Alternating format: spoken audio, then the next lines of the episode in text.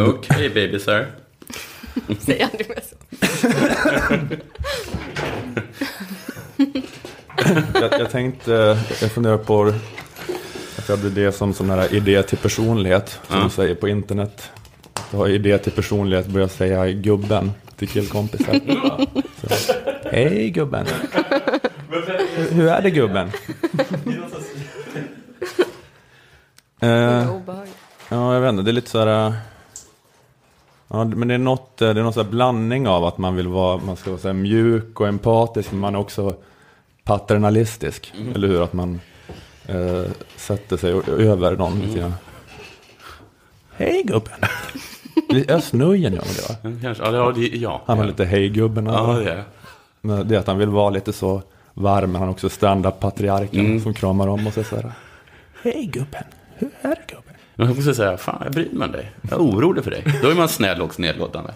Men eh, det går bra, jag har podd och så. Mm.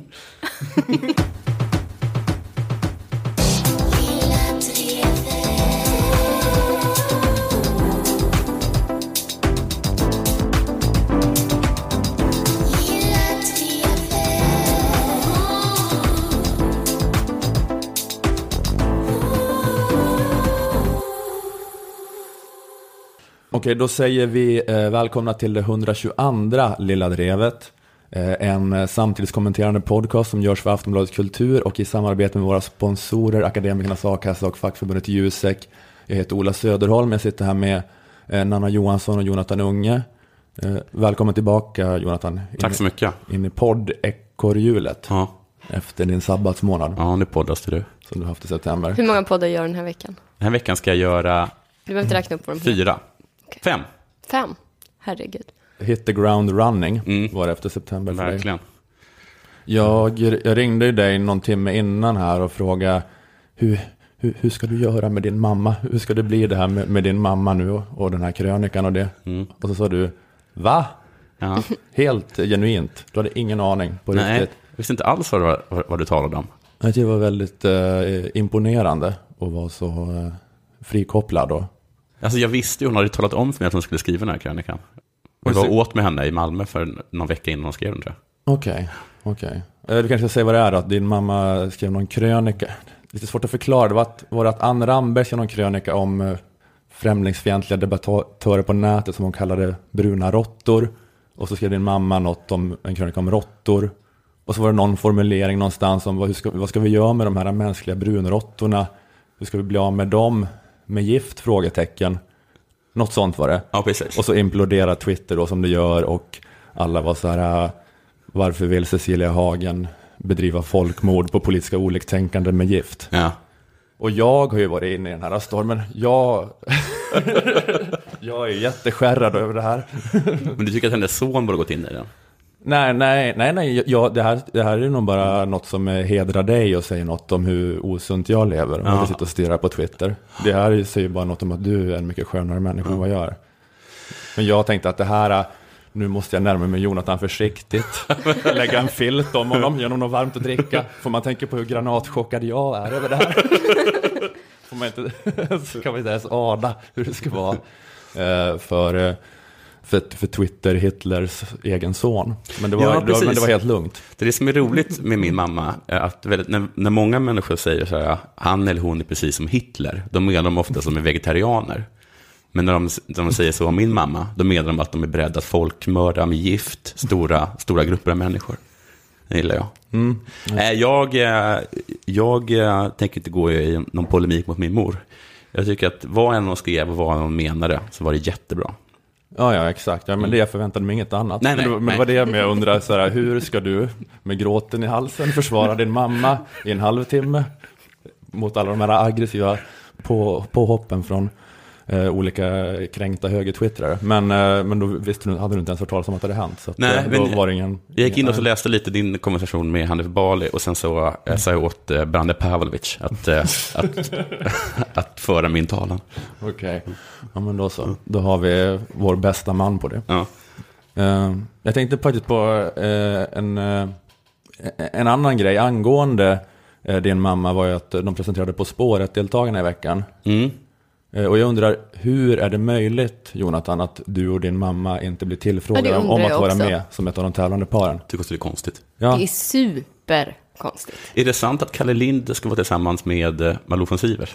nej, Isabelle Hadley Kamps, Ah, ja. eller? Okej. För annars hade det varit att de bara hade tagit exakt eh, Jesper och vet han, Höglund. Ja, just det, årets Jesper och Elisabeth. Ja. Nej, men det är ju det. Det är ju, eh, alltså det här med att ni inte blir tillfrågade. Att jag tycker att det är objektivt konstigt. Det är Att det, skam. han- det Det är handlar, supermärkligt. handlar inte om att vi känner det och vi är partiska. Utan en objektiv bedömare, sk- ja men på riktigt skulle hålla med om det här. Att jag, men, jag vet inte vad det är i år annars då. Det var Kalle och Isabelle, det var Kristin Lundell och Johan Hilton. Och det är väl ett jättebra par. Ja. Över medel helt klart skulle jag säga. Så inget ont om Johan Hilton och Kristin Lundell. Men det finns ingen i Sverige, förutom möjligen deras föräldrar, som hellre ser det paret än paret Cecilia Hagen och Jonathan Unge. Så är det bara. Men jag tycker bara att det- är skandalöst att svenska folket år efter år fortsätter att berövas på den här tv-festen. Jag tror det skulle gå superbra för er också. Ja, ni- skulle ju vara bra också rent eh, Tävlings... tävlings... Jag är aldrig så bra som jag tror att det är. Jag tror ju alltid att jag ska vinna sådana saker. Men du har väl krossat alla i Sverige i quizkampen? Nej, Kalle Lind spöar mig jämt. Men lärde inte du dig alla frågor till slut? Du gjorde ju typ ingenting annat i två år än att spela quizkampen. Ja, men jag menar, din morsa har vunnit det förut och eh, jag vet ju i alla fall att du är en av de, åtminstone de tre bästa som jag har mött i så här NS-spelet och TP och sånt. Var inte vår plan att Liv skulle bli tillfrågad, men så skulle hon hoppa av i sista sekunden och ge sin plats till dig. Och du skulle ta in mig. Nej, alltså hon har ju blivit tillfrågad, men hon, eh, resten av planen har hon inte spelat med i. Hon, sa, hon sa nej och det var... Ja, men det är, ja, det är hemskt att vi berörs på det här då. Dels att ni skulle vara ja, ja, så skickliga och, eh, och, och ja, men, ja, men framförallt skulle det vara härligt att se allt det här eh, allt det här vi har hört så mycket om, den här relationen och sådär. Eh, Alla, ja, all fantastisk kemi helt enkelt. Men, eh, jag vet inte varför. Är det för att Christian Lok hatar judar? Ja. Han är balt, va? Just det, just det. Just det. Och det är din gamla käpp, Okej. det är din gamla käpphäst att vi inte ska skämmas Okej. över baltutlämningen. För Nej. att de var så oerhört behjälpliga i att Ja, sam- samla ihop judarna och massakrera dem när nazisterna kom. Jag går förbi det där monumentet ibland på Djurgården och gör tummen upp. Okej, ja men då har vi löst det. Ja, apropå, eh, apropå rasism. Mm. det var en nyhet i veckan om att svarta diskrimineras på Airbnb. Jag såg det. Har ni sett det? Ja, Ja, först har de gjort någon sån undersökning i USA. Och sen har de gjort sån i Sverige också. just det. Och det är ut, Airbnb är den här uthyrningstjänsten där folk hyr ut sina egna lägenheter. Och det, ja, det har massa forskning i USA har visat tidigare att eh, svarta ofta, oftare får nej när de frågar om de får hyra någons lägenhet via Airbnb. Men nu har då P1-programmet Kaliber gjort en granskning där det visat att samma sak pågår i Sverige. Fråga. Hur vet de att de är svarta? Umgås, att tala, Jag tala tror man dem har en mail? bild Man på har, sin en, man har en sida. profilbild. Liksom. Men, men när, att det är då att när en svart frågar kan jag bo här den här helgen, Mm. då svarar värden Ja, nej det går inte, förlåt jag hade glömt att ändra i kalendern och, och visa att läggaren inte är tillgänglig. Sen frågade jag då en vit om samma datum och fick svaret eh, självklart. Av 200 förfrågningar till olika Airbnb-värdar så var det 83 som sa nej när en svart person frågade och av dessa 83 så var det sen ungefär en tredjedel som sa ja när en vit person frågade om att få hyra samma helg. Och jag hörde också i Studio 1 en intervju med Sara eh, som varit med i granskningen. Eh, hon är svart och försökte hyra lägenhet via Airbnb i, i sitt namn och med sin profilbild. Tillsammans går jag och Sara igenom vilka svar hon har fått. Flera värdar som sa nej till henne sa sen ja till en vit person som frågade efteråt om samma datum. Vad, vad är dina spontana tankar efter att du har hört allt det här? Jag är helt ärligt, jag är jätteupprörd. Eh, och det är ju sorgligt. Tänk att de är mer rasister än giriga. Ja, just det. Ja, det är också, det är också en, en vinkel på det hela. Eh, Men, eh, men det var så här det var då uppenbarligen för Sara. Eh, Och jag blev lite så här, alltså om man ska känna andra genom sig själv, Mm. om man ska försöka förstå rasismen genom sin egen rasism, så kunde inte jag riktigt förstå den här rasismen Alltså jag blev lite förvånad över att en tjej drabbas så här hårt. Alltså jag menar inte att så svarta kvinnor drabbas av mindre rasism generellt, av allt man kan drabbas av. Men just den här grejen, vågar jag hyra ut min lägenhet till dig? Alltså då tänkte jag verkligen om jag så här, ska få kontakt med min inre Svensson-rasist, att, att det skulle vara förhållandevis lugnt för tjejer av alla etniciteter. Ja, men så är det väl också. Alltså hade det varit en svart kille hade det varit, ännu svårare. Ja, men, eh, men, det, men det var ju uppenbarligen lika svårt här. Ja, okej. Men för att jag har själv erfarenhet av att vara Airbnb-värd. Mm. Och om det var en liksom svart man eller en man med ursprung i Mellanöstern som gjorde en förfrågan, Mm. får jag bo de här lediga datumen i din lägenhet? Då tänkte jag så här, ja, ja, jag är inte rasist Ja. och godkände förfrågan. Att jag, jag, jag tänkte, någon, Mm. Ja. på något sätt tänkte jag, jag är inte rasist när jag godkände sådana förfrågningar. Just det. Men om det var en tjej av vilken etnicitet som helst så fanns inte ens den li- lilla tiondelen då jag ställde mig frågan, hur är det nu igen, är jag rasist? Nej, utan då var det bara direkt. Ja, men jag, eh, jag, jag hade bara lite sådär, jag blev lite förvånad över hur rasistiskt det var. Ja. Ja, du, ja, du tyckte, oj vad rasistiskt. Ja, oj vad rasistiskt det här var. Det var verkligen Det är, rasistiskt. det är ju verkligen, verkligen rasism. Alltså det är mera rasistisk än så rasistisk som jag är i den där tiondelen. Ja. I min rasistiska tiondel, då jag så här resonerar lite fram och tillbaka, är jag rasist eller inte? Så jag är mycket mindre rasistisk än vad de här människorna är. ja, just det. Det, det är fan skrämmande faktiskt.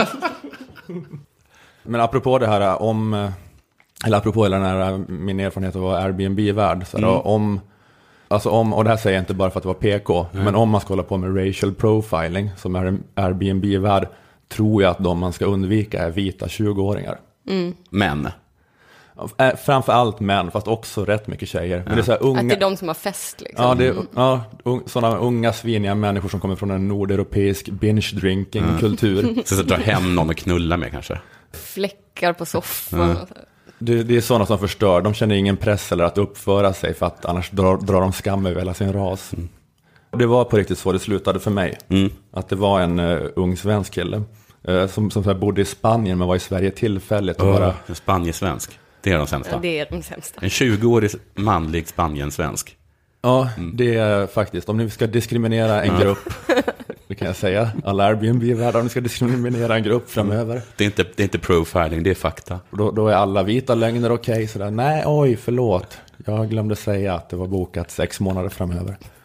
Men han bara söp sönder min lägenhet. Ja. Han, han hade så här fest eh, på en tisdag och väckte hela huset. Läm, lämnade en massa tomflaskor stående i trapphuset. Sen fick inte jag ha Airbnb mer för min förening. Oj. Man säger så här, är det ledigt? ja, du. Vad så, vad så, var bor du? Marbella? Mm, nej.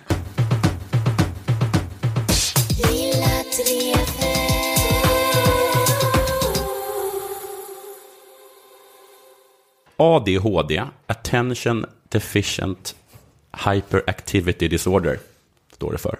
Och det är ju en neuropsykiatrisk funktionsnedsättning som utmärks av nedsatt ekusika- exekutiva... Ja, Det här är liksom redovisning av ett sånt litet skolarbete du har gjort. Min forskning om ADHD. ADHD, Attention Deficient Hyperactivity Disorder. Ja, det är en neuropsykiatrisk funktionsnedsättning. Och den utmärks av nedsatt exekutiva förmågor, det känner ni säkert till. Alltså exempelvis bristande förmåga att kontrollera uppmärksamheten och slash eller hyperaktivitet. Tack Wikipedia. Exekutiva förmågor. Så, Mm. Jag vet inte vad det är. nej, det låter som bara förmågor att göra saker. ja. Ja, men, Ja, men det är ju det det är. Ja. Eh, Det var faktiskt Alexander Crichton, tror jag, föddes 1763, Edinburgh. Död 1856. Han var skotsk läkare, va? Och han var den första som beskrev grundsymptomen för ADHD. Vad tidigt det var. Ja, det var tidigt, men det var varit ett erkänt funktionshinder i först cirka 50 år. Och det finns siffror från USA som menar sig visa att 3-5% av befolkningen har ADHD. Så det är många. Och eh, Fin- Finns det statistik över tid? Eller kanske du kommer till tid. Alltså hur det har utvecklats, eh, att det har blivit fler Det är och fler. rekordartat mycket. Ja, mm. Eh, Så det är ganska många och nu kommer fler och fler kändisar ut med att ha ADHD. För att, eh, ja, för vad då? Varför gör de det? Kanske för att synliggöra, var en retorisk fråga. Ja, ja, ja. Eller för att berätta hur diagnosen förändrat deras liv, kan man tänka sig, om man bara tänker lite.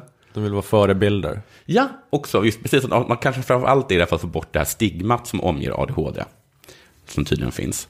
Till exempel kom friåkaren Jon Olsson ut med sin diagnos nu i veckan.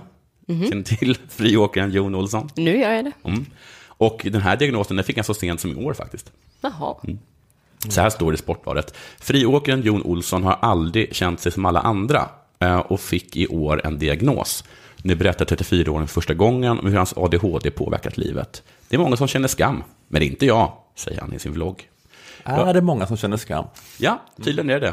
Jag är själv ganska stolt över att ha ADHD. Det är Jon som talar. Det gör att jag... det gör att Ja, jag det kunde vara du också. Ja, det gör att jag jobbar hårt och går in för saker till 110 procent. Jag har nått framgång inom flera områden. Okej. Och gör saker som jag bara drömde om som liten, säger han. Så många kände skam, men inte John.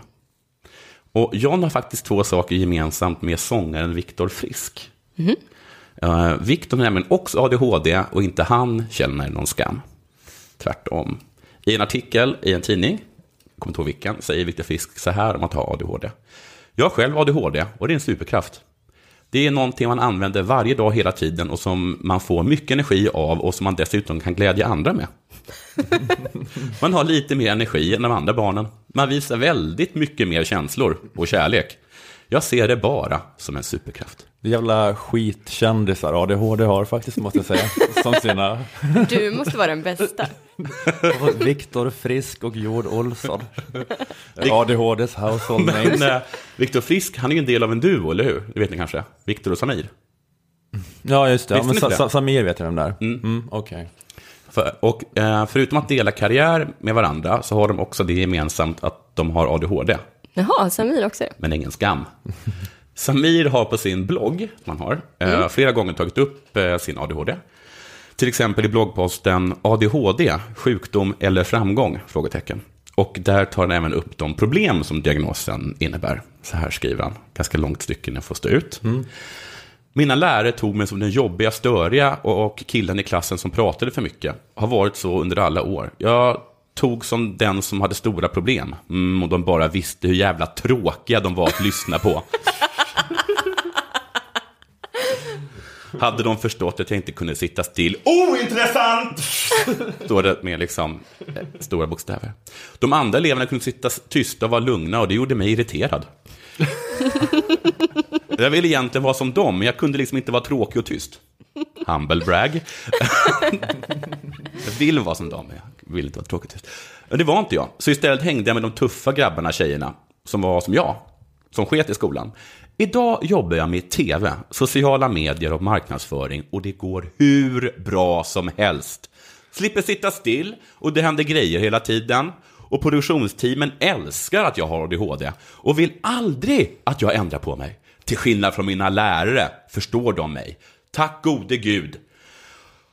ADHD for the win. Jag skulle aldrig, aldrig, aldrig vilja leva utan min ADHD. Då har jag inte varit där jag är idag. PS. Jag vet att jag skriver som en kratta och att jag skriver osammanhängande och så vidare. Men om ni bara visste hur jävla mycket jag kämpar på den här jävla stolen för att sitta kvar och skriva det här så skulle ni förstå mig. Bra. Han har i alla fall ADHD. Ja, okej. Men det här med att ADHD är lika med framgång, det läggs det så otroligt stor vikt på i allt man läser om, om ADHD. Eh, Kristin Kaspersen, dotter till Lill-Babs, eh, och mycket annat, programledare. är- Okej, då ångrar jag mig. Då eh, är hon den bästa Okej. kändisen. Mm.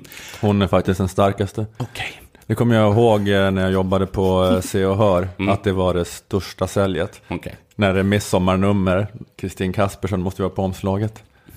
Hon har Girl Next Door-skärmen, sa vår chefredaktör alltid. Hon är Girl Next Door. Hon är Girl Next Door. Hon sålde liksom 10 000 mer än den som sålde näst mest. Wow. Av någon anledning. Oj. Ja, ja, liten parentes. Ja, men en bra parentes. Så här står det i en artikel där hon berättar om sin eh, diagnos. Kristin Kaspersen är trots allt stolt över sin nya diagnos. Hon menar att det till stor del är den som har tagit henne dit hon är idag. Det är drivkraften av min ADHD som gjort att jag har presterat och kommit väldigt långt. Så jag är enormt tacksam för min ADHD, säger hon i Framgångspodden. Där alla med ADHD har blivit intervjuade. Men vad, drivkraften i min ADHD har gjort mig framgångsrik. Ja, Och vad, vad, är det att man är så rastlös eller något av sin ADHD? man är så jävla underbar tror jag. Och eh, Riksförbundet Attentions unga vuxenprojekt har ett projekt om ADHD som heter Underbara ADHD.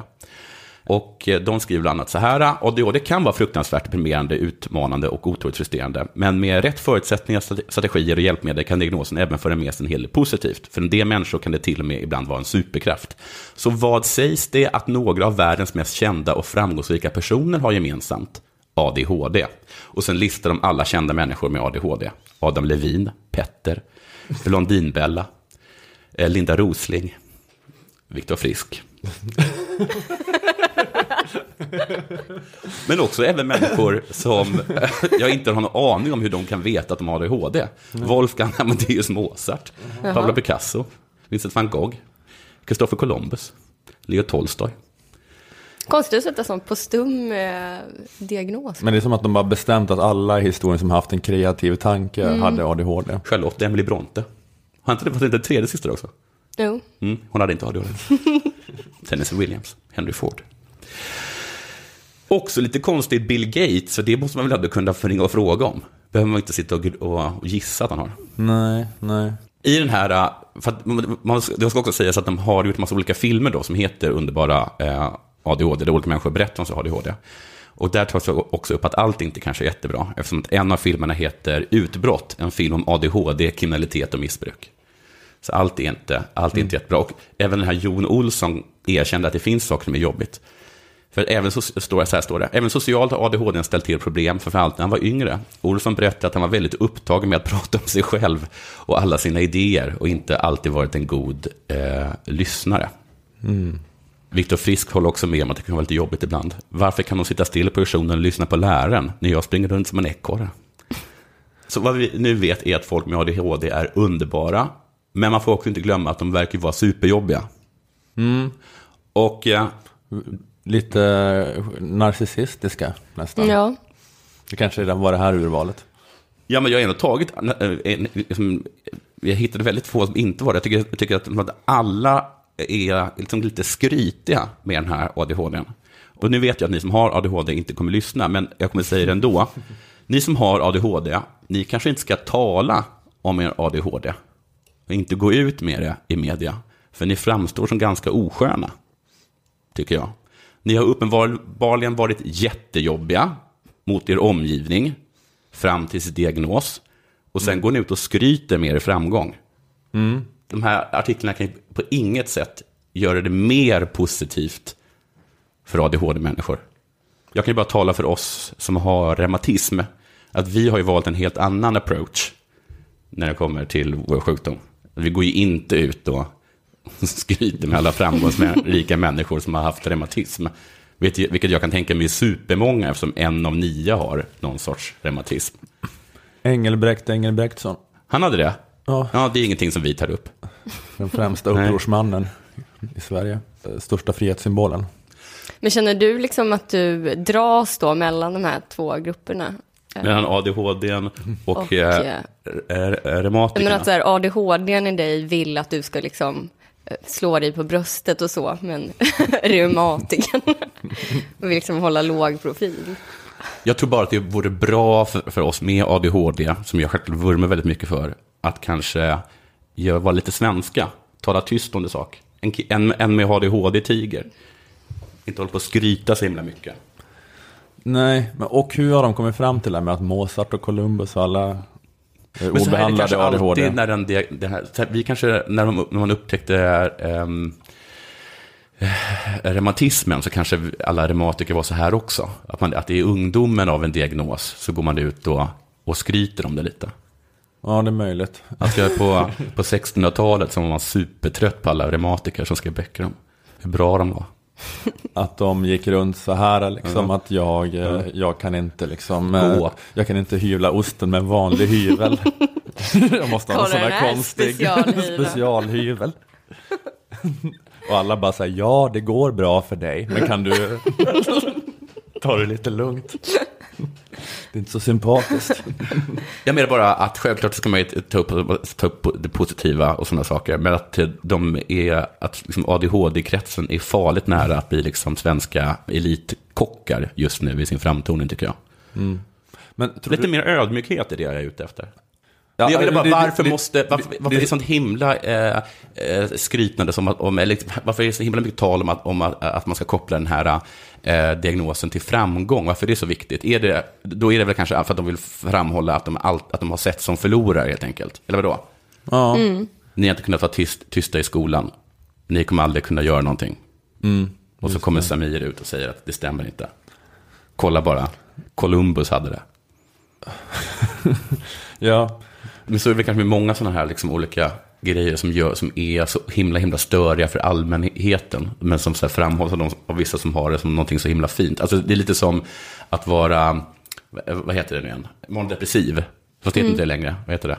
Eh, bipolär. Bipolär. Att det finns liksom någon sorts, det finns något lite liksom mystiskt eller sexigt över också. Konstnärligt. Ja, precis. Ja, ja, men det är väl sånt där man pratar om en medikalisering, typ att eh, vårt samhälle tolererar inte att du är en ineffektiv kugge, så därför blir ADHD en sjukdom i vår tid och så måste man medicinera bort det. Men då kan man tänka att de som har ADHD är rebeller som är liksom fria från normer och, och eh, de är inte bara mindless zombies, utan de är då fria kreativa själar som Samir och Mozart och så. Ja, ja, skitsamma.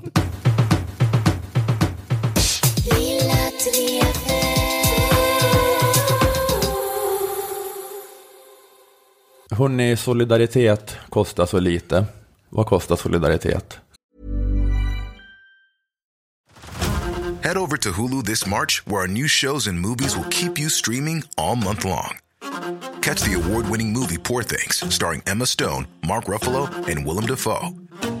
Check out the new documentary, Freaknik The Wildest Party Never Told, about the iconic Atlanta Street Party. And don't miss FX's Shogun, a reimagining of the epic tale, starring Anna Sawai. So, what are you waiting for? Go stream something new on Hulu. Mord. 100 kronor. Okej. Eh, mord? Det, väl, man måste väl, det kräver väl mod Jaha, jag tycker som mord. Nej. Ja, mord. Ja, okej. Ja, just det. Ja, men det var ett bra svar.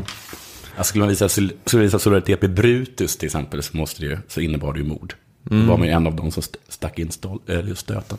Just det. Dolken i. Förlåt. Ja, men visst. Men, men absolut. Men om det inte är Brutus utan det är alla, alla stackare där ute i prekariatet som kämpar med att sälja sin arbetskraft. Så Ja. det kostar bara 100 kronor. Ja. Vi har alltså kommit fram till den delen av podden då vi berättar om våra sponsorer. Akademikernas a-kassa och fackförbundet Jusek. Eh, Att vara med i Akademikernas kostar bara 100 kronor i månaden och gör att du kan få upp till 20 000 kronor i månaden när du befinner dig mellan jobb.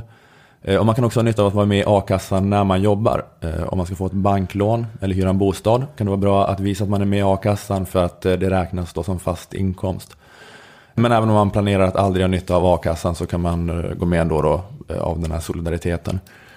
Akademikerna Akademikernas är för alla er som har eller är på väg att ta 180 högskolepoäng. Eller 120 om man är så oerhört gammal som jag är och pluggar i det här gamla, gamla systemet. Och för er som inte är pluggisar finns massa andra a-kassor. Akademikerna har skapat en a-kasseväljare på väljaakassa.se där du kan ta reda på vilken a-kassa som passar dig. Eh, Och många akademiker, till exempel ni som jobbar inom branscher som organiseras av Jusek, tjänar mer än 25 000 kronor, eh, vilket då är a-kassetaket, och kan därför behöva en inkomstförsäkring med lite mera klös i. Eh, Därför bör ni även gå med i facket. Är du med i Jusek får du 80% av lönen upp till 80 000 kronor. Säger säger jag som vi alltid gör. Oj, Oj ja. Wow. herregud vad mycket pengar. Tell me about it, det är det minsta man kan säga. Eh, läs mer på jusek.se. Att vara med i Akademikernas och Jusek kostar 351 kronor sammanlagt. Är du redan Akademikernas medlem lägger du alltså bara till 251 kronor för att också få vara med i facket. Har du tagit steget och gått med i Akademikernas eller Jusek eller någon annan a-kassa eller något annat fackförbund tack vare den här podden får du gärna berätta om det. Skriv din ansökan eller eh, skriv det i sociala medier under hashtag lilla drevet.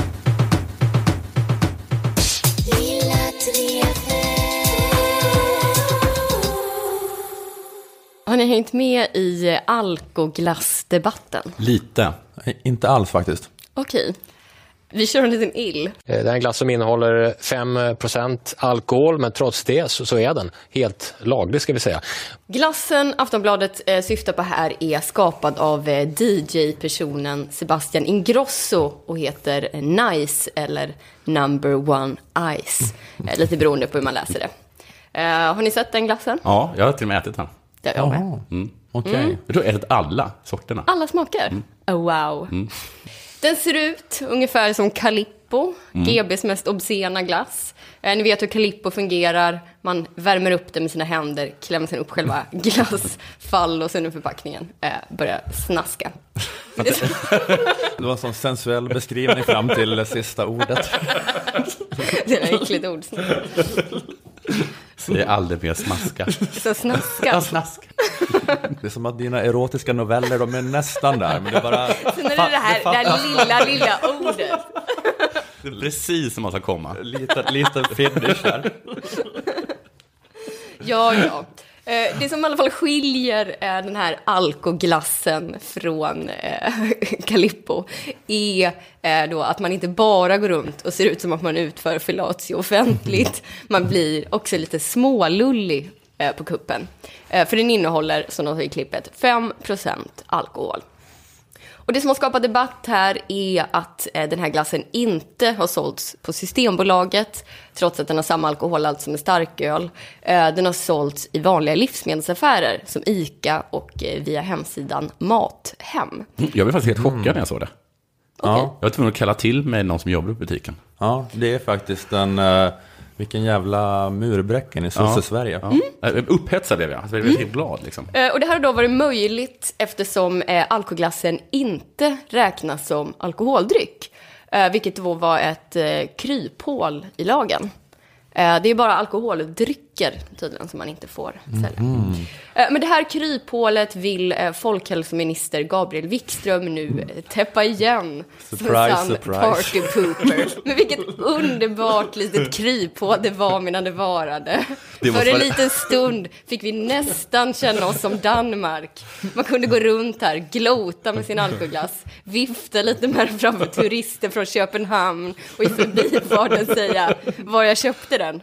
Konsum. Jag köpte den på Konsum, som vi kan Sen- göra här i Så här Sverige. typiskt Danmark, inte kan köpa alkoglass.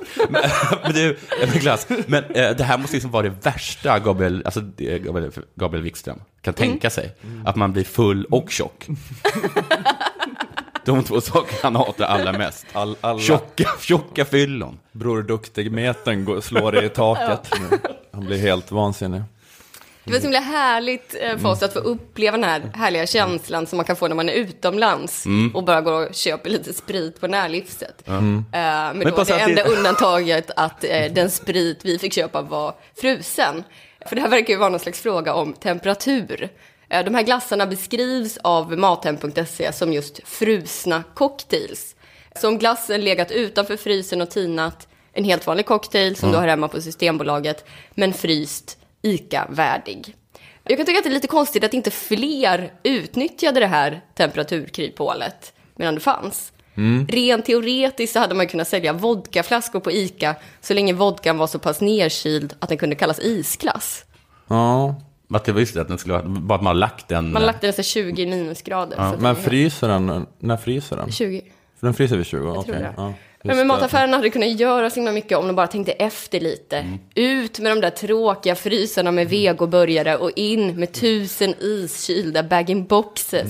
Bara sätta en liten pinne i mitten så kan man skala bort förpackningen och äta bibben som en stor pinnglass. Helt lagligt. Man borde i alla fall göra det och gå igenom varje produkt bara för att Gabriel Wikström ska tvingas gå ut och vara tråkmånsen gång på gång på gång. Ja, precis. För att införa en ny klausul för att stoppa det här. Äh, drömmar Alltså, får vi inte dricka man isvin längre. Ja, sorry, ja. Men är det så att de får vara hur starka som helst? Nej, det vet jag inte. Nej. Jag sitter också och fjantar mig lite. Eh, Jag drömde lite fritt här, men nu är som sagt det roliga slut. Tråk Gabriel Tristström ska se över lagen och täppa igen där i kryphålet. Eh, Han säger så här om glassarna i eh, DN. Det är uppenbart att man vänder sig till barn och unga i första hand. Och det är just barn och unga som vår modell starkast uttrycker att vi ska skydda med alkoholpolitiken. Är det så uppenbart att de här glassarna riktar sig till barn. Är inte den enda kopplingen att det här är en glass och att barn gillar glass? Det är inte som att en nioåring har kunnat gå in på ICA, köpa på sig hela frysboxen och sen bara stå och langa på skolgården. De har ju läggkontroll i butikerna. Ja, det är 18 Det har varit, ja, ja, det har varit men- order på dem. Men ganska äcklig Eh, också, ska sägas. Jag Barn tycker om sött. jag tänker att det vore supersvårt att förbjuda allt farligt eh, som påminner om något som barn gillar. Barn gillar ju leksaksbilar, men det är liksom ingen som tänker att riktiga bilar då vänder sig till barn. Eller att någon bilförsäljare skulle stå och kränga Lexusar till sjuåringar. Eh, det måste ju få finnas vuxenversioner av saker som barn gillar. För vissa saker som barn gillar, gillar ju även vuxna. Typ glass. Just det. Jag tyckte det var intressant om de hade fått låta den här äh, alkoholglassen leva några år. För då hade vi, hade vi kunnat kanske få en sån där generation, så som mellanölsgenerationen, kommer du ihåg dem? Att det brukar alltid sitta människor på en bänk och berätta att det var mellanölen som hade förstört deras liv. Att det skapade en generation alkisar. Ja, och att det hade suttit människor som, blir glassalkisar. ja, som fick liksom livet förstört av de här av frozen margarita. Livet och tänderna. Gabriel Wikström är i alla fall fast besluten om att stoppa alkoglassen för, som han säger, eh, Sveriges undantag från EUs alkohollagstiftning bygger på att man respekterar Systembolagets ensamrätt. Eh, om det kan uppfattas att man hittat en försäljningskanal för alkoholhaltiga preparat riskerar hela systemet att falla. Det skulle hota alkoholmonopolet.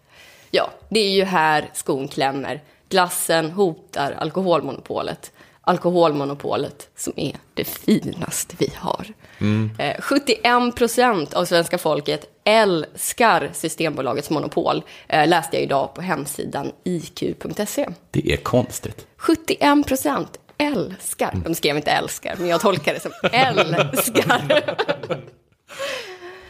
Vi övriga 29 procent tycker kanske att man i alla fall kan diskutera huruvida vi ska ha ett monopol. Inget ont om Systembolaget, Sveriges trevligaste, mest serviceinriktade företag. Men det är ju ändå lite sjukt att jag som vuxen människa inte får bestämma när och var jag vill köpa alkohol. Om eh, vi nu ändå ska ha alkohol i det här landet, vilket nästan alla är överens om att vi ska. Ja, men jag, men jag gillar kanske bolaget lite mer än er. Varför Mm. gillar du så himla mycket? Det är bara att jag köpt den här äh, idén om att äh, vi tillhör vodkabältet och vi kan inte bestämma själva när vi ska dricka. Som äh, de kontinentala folken kan. Vi kan inte hantera det. Nej. Det, det är bara, så fort man gör en justering så reagerar svenska folket direkt. Alltså ifall man sänker alkoholskatten, då börjar de dricka så mycket. Ja, det, det går bara inte. Ska vi inte bara prova då, ett tag? Bara testa lite på kul. Ja, men det är som de gjorde det i Finland, att de bara halverade spritskatten pl- plötsligt. Och så då Ja, låg var- alla på ja. gatorna och Jo. Spydde det bara. är Finland.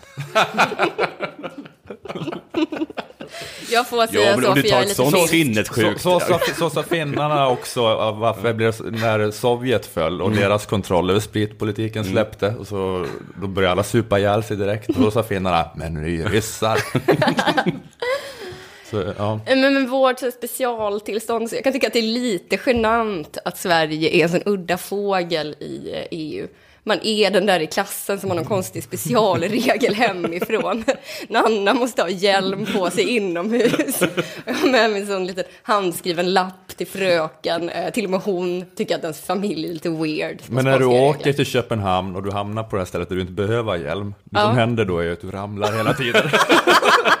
det är ju det svenskar gör så fort de kommer till Köpenhamn. så att det är liksom bevisat, tyvärr, att det behövs. Gift dig med Gabriel Wikström då, om du ska vara så jävla rekorderlig. Men hur lång tid eh, kommer det här vara kvar då? Alltså, vi är ju ändå ett invandrarland, så jag gissar att vi borde, att vi borde liksom... Alltså, är det genetiskt eller kulturellt som gör att vi är alkisar? Det, ja, det borde vara kulturellt ändå, tror jag. Kulturellt. Ja. Mm, okej. Jag tänker att jag inte är så mycket för rasmystik. Nej, inte så mycket. Men, eh, Men kommer vi inte kanske, eh, har inte vi en sån invandring som gör att vi kommer legalisera cannabis tror jag, innan vi släpper alkoholmonopolet? Säkert. Så är ju många muslimer att de, de, kommer- de, kommer ju- de, kommer- de kan ju snarare, ifall de får inflytande, liksom förvärra, eh, göra mer åtstramning av alkoholen. så kommer någon komma på att man kan servera frusna hash brownies, eller vad heter det? På Ica. kommer Gabriel Wikström. Hög och tjock. Nej du. Nej, nu har jag hört allt. Nej men, eh, och precis. eh, Men nu har det ändå varit så att vi har, vi har lördagsöppet. Det är kanske inte att våra lyssnare minns, men förr i tiden så var, fan, var det liksom stängt på, fred, på lördagar. Systemet. Systemet. Och kommer det här betyda att de kommer kunna tvinga Systembolaget att sälja alkola, alkoglassen? Alltså jag har väldigt svårt att tro att det finns något jättestort eh, eh, liksom, eh, efterfrågan på det. Men då alltså kommer de nu vara tvungna att sälja? Kommer de ha Systembolaget frysar? har ju sin grej att de inte serverar någonting kallt. Nej, precis. Eh, för det att man, det inte ska uppmuntra till spontanköp. Nej. Så då ska man få köpa den glassen liksom, Sen mjuk och sladdrig, lägga den i frysen Ja, själv och sen får man glass. Jag ska köpa en sån plasttarm eh, tarm jag bara med, liksom, vä- glassvätska. Men det är ju helt sinnessjukt att man är tvungen att gå hem och lägga en vinflaska i, i frysen. Att man måste ha en sån framförhållning. Jaså, det serveras räkor idag. Ja, då måste jag räkna. Måste vara på, då får jag gå till lunchen på, till bolaget. Sen cykla hem och lägga den i frysen. Eventuellt kylen. Är det här Ian Wachtmeisters podd jag har hamnat i? Ja, man känner att man får så här skeva, skeva vänner. lapplisa som har lappat bilen också där. Har varit inne och stått i kö för att få. Vad sa du älskling att det blir? Kyckling? Ja, men det... Klockan är 17. Då måste jag köpa sån där, äh, vad heter det, kolsyreis någonstans. Oj, oj, oj, oj, oj. Barnen ska hämtas också. Kunde inte bli biff. Sosse Sverige-podden. Ja, nej, det är väl bara att acceptera att man är eh, minoritet eh, i det här jävla sosselandet. Nej, faktiskt- jag kan inte säga det med Jo, men det är väl ändå intressant att vi som tycker om att dricka så himla mycket ändå är för ett monopol. Att, att man lyckas få de här, de här galna alkisarna. Det är himla intressant Ja, att vi fått de här... många av de 71 procenten är ju alkisar. Ja. Nej, men inte ska väl jag unna mig. det kan väl jag ens drömma om. Ja men det är ju det man vet, att det är, eh, jag dricker så mycket som staten tillåter. Ja det, men det, ja, det är fint, den här sjukdomsinsikten är imponerande.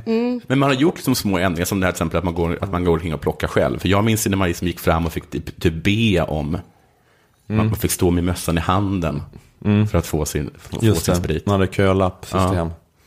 Ja. Ja, det kanske, men det, ja, det, väl också, varje gång, det var väl också kontroversiellt tror jag. Att man skulle plocka själv för att det skulle också leda till att folk eh, eh, ballade ur. Fyllde korgarna. Ja. Jag har tagit upp med dem några gånger att det är så himla konstigt att de har så himla små påsar. Det måste ju vara för att göra att man inte kan handla mycket. Jag tycker inte de har så små påsar. De har väl supersmå påsar? Man får inte ner ett sexpack i dem. Du får ju ner en bag-in-box. Börjar jag inte bråka nu.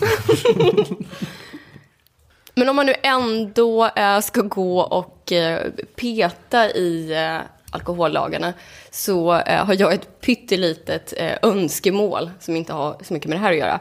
Men det är att man skulle peta lite, lite i det här konstiga limbot som gäller för 18 till 20-åringar. Eh, de får ju som bekant inte handla på systemet, men de får dricka på krogen. Och jag tycker att det är lite konstigt att precis den grupp som ingen vill ha på krogen bara får dricka på krogen. Det hade varit så mycket bättre om de drack någon helt annanstans. I något avlägset reservat för 18-20-åriga killar. Där de kan hålla på och roundkicka varandra och allt annat som mina fördomar säger att 18-20-åriga killar håller på med. Eh, Så jag skulle vilja invertera just den biten av eh, lagen. Låt dem för all del sitta hemma i någon soffa och dricka öl från systemet. Men släpp inte in dem på pubbar och barer. Tack. Det var mitt lilla Ja. önskemål där på slutet. Ja men det var faktiskt, det var faktiskt eh, rätt smart idé tycker jag. Jag skulle vilja att nästa lilla uppluckring var att man faktiskt får köpa kylda drycker. Löjligt. Ja, men... eh, De säljer ju till och med mer liksom glas nu. Per glas kan man ju köpa vin i Systembolaget. Kan man? Ja. Det, ja, precis. Men det kommer eh, kosta många liv, Jonathan. Så man ska köpa det färdiga glaset, ready to drink, men man måste ändå gå omvägen via sitt hem, ställa in det i kylen. Det är take away fast med liksom en, två timmars fördröjning. Ja, jo men jag vet inte, vi kanske, eh, vi kanske, vi kan ha en sån uh, kylning på prov i ett par månader kanske. Ja. Men det kommer inte gå bra. Nej, kommer en hel, en hel generation kommer förstöras. Jag var, växte ju upp under... Du vet när de började med prov. kylar. Sen jag. såg jag inte pappa mer.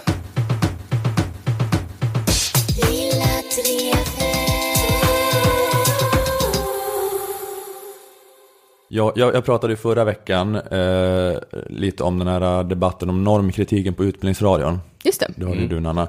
Eh, att det är en debatt, eh, har du hört om den här debatten Jonathan? Att, Alltså jag har, hört, jag, hört om, jag har läst om det nu. Jag, men framförallt, jag var inne på Sveriges Radio för ett tag sedan, så gick jag förbi eh, en person och sa han, oj, här har det hänt grejer. Och så sa han att någon, för det var, han, den personen som har eh, hoppat av jobbar på SR Malmö, eller hur? han jobbade på UR. Eh, Ma, Okej, är UR, samma ja. hus. Ja, samma hus. Ja, exakt. Ja, men ja, precis, han fick sluta där, Per Axel Jansson. Men ja, vi pratade om det förra veckan, så ni kan lyssna då ifall ni, eh, ni kan lyssna på det ifall ni har missat det och bryr er. Eh, men, eh, men i alla fall, det- har varit en debatt om att det normkritiska arbetet kanske har spårat ur. Eh, och det pågår en sån eh, debatt på svenska museer också. Har jag fått veta nu. Eh, den har varit väldigt intensiv. Den drogs igång för ett par veckor sedan av journalisten Ola Wong i Svenska Dagbladet. Han skrev en artikel och så tog han bland annat upp att det finns etiska regler för museum som har slagits fast av International Council of Museums. Och enligt de reglerna är museers eh, primära uppdrag att förvärva, bevara eh, och främja sina samlingar till skydd för kulturarvet och inte låta sig styras av tillfälliga intellektuella trender. Men att det är då exakt det som händer i Sverige nu. Eh, Ola Wong menar att museerna politiseras, att de har gått vilse i postkolonialt och normkritiskt tänkande, att Alice Bah Kuhnke och kulturdepartementet är för ivriga att använda museerna som något slags ideologiskt verktyg mot Sverigedemokraterna. Att historien inte får vara vad den är utan ska göras till rekvisita för svensk uppfostran. Ett exempel han tar upp på Östasiatiska museet i Stockholm eh, är att på utställningen om Sidenvägen eh, står det plakat som utropar Mångkultur skapade en guldålder. Och eh, de gjorde reklam i tunnelbanan för Östasiatiska museet med budskapet Kvinnliga chefer, vilken urgammal idé. Och Wong skriver citat, marknadsföringen försökte få Kinas enda kvinnliga kejsarinna, Wu Zetian, 625-705, att framstå som norm och inte det extrema undantag och den hädelse mot den konfucianska statsideologin som hon var. Slutcitat. Ja, men lite sånt. Ni fattar ungefär. Vad, jag är inte så insatt i det här caset, men jag, jag har läst hans artikel. Eh, men han menar så att man prioriterar bort intendenter som kanske också då är experter på typ medeltida sydasiatisk skulptur. Nu har vi en genusintendent istället som tänker om kring hela utställningen. Eh, och många har hakat på eh, och det har varit ett jävla liv om det här. Och eh, jag, eh, jag var ju då lite engagerad i det här förra veckan med Utbildningsradion. Det är ändå public service media. Eh, Då kan de inte gå vilse helt i någon så här tokig separatism. Där de är osäkra på om manliga journalister verkligen har rätt att göra intervjuer med kvinnor. Jag blir lite uppeldad. Eh, Men det här med museerna, jag vet inte. Jag har lite svårt att bry mig. Okej, för att, För att du inte går på museum. För att man inte bryr sig om museer. Nej, för gå på museum gör man ju bara när man är utomlands. Så jag fattar inte hur det kan vara vårt problem att svenska museer har gått vilse i normkritik. Det är ju utlänningarnas problem. Skiter väl jag i. Okej. Om det är någon som indoktrineras i Alice Bah Kuhnkes rättänkande PK-diktatur, det är ju bara en massa spanjorer och japaner. Fuck dem. Jag bryr mig väl inte. Varför är det mitt problem? Jag går ju för fan inte på museum här. Alltså hela poängen med museum, det är ju att man är i någon jävla stad i Europa, går runt där och försöker låtsas som att det är en upplevelse. Och man vaknar på morgonen och det är inte okej att börja dricka direkt för man är en anständig människa. Så man blänger på sin partner. Så här, men vad, vad ska vi göra då? Men jag, jag vet inte, vad, vad ska vi göra? Vad fan ska vi göra? Ja, men vi går väl på, på Reichs museum då. De har en Rembrandt där. Så här, ja, de har en Rembrandt här. Och så står man där, Rembrandt, Rembrandt, Rembrandt. När är vi klara med den här charaden? Vid vilken tid är det okej att börja dricka egentligen? Det är väl hela poängen med museum, tänker jag.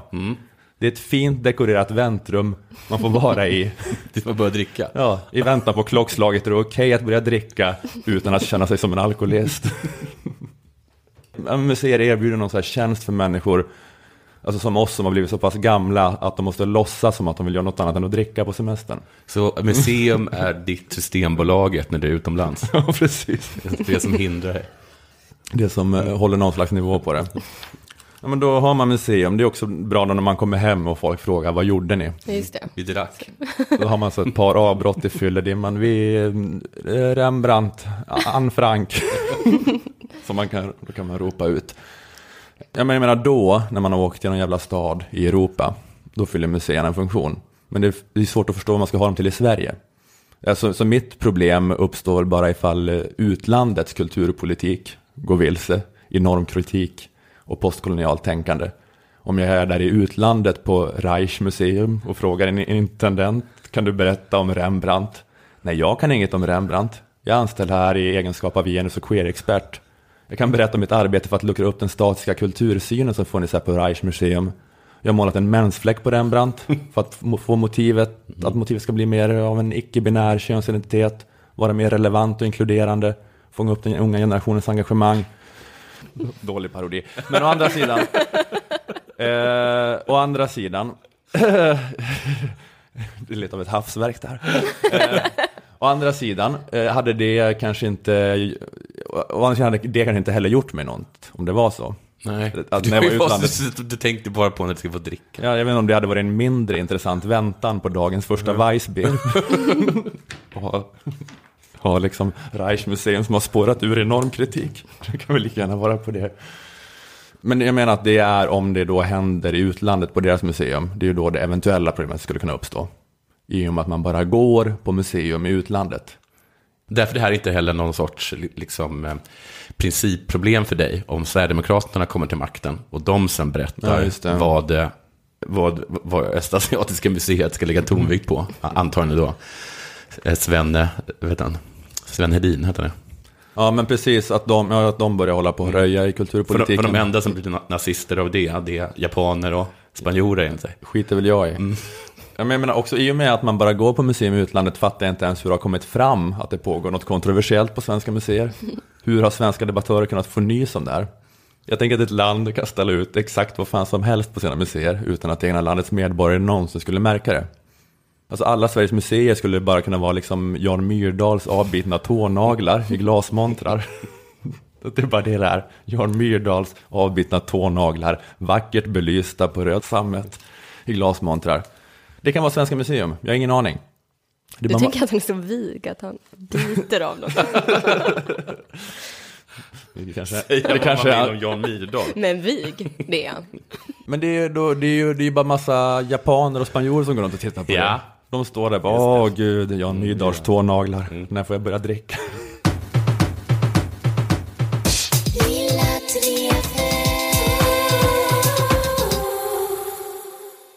Jag kan säga ifall ni hör på det här äh, idag torsdag när det kommer ut så äh, är jag i Stockholm ikväll och är med på ett hörn på en äh, oslipat grej. Oslipat tolkar Billy the Vision and the Dancers. Äh, som är på Kägelbanan tror jag. Äh, att vi är en massa komiker som ska stand-up tolka det här bandets låtar. Och så spelar bandet låtarna också. Är det någon som äh, vill säga något annat eller?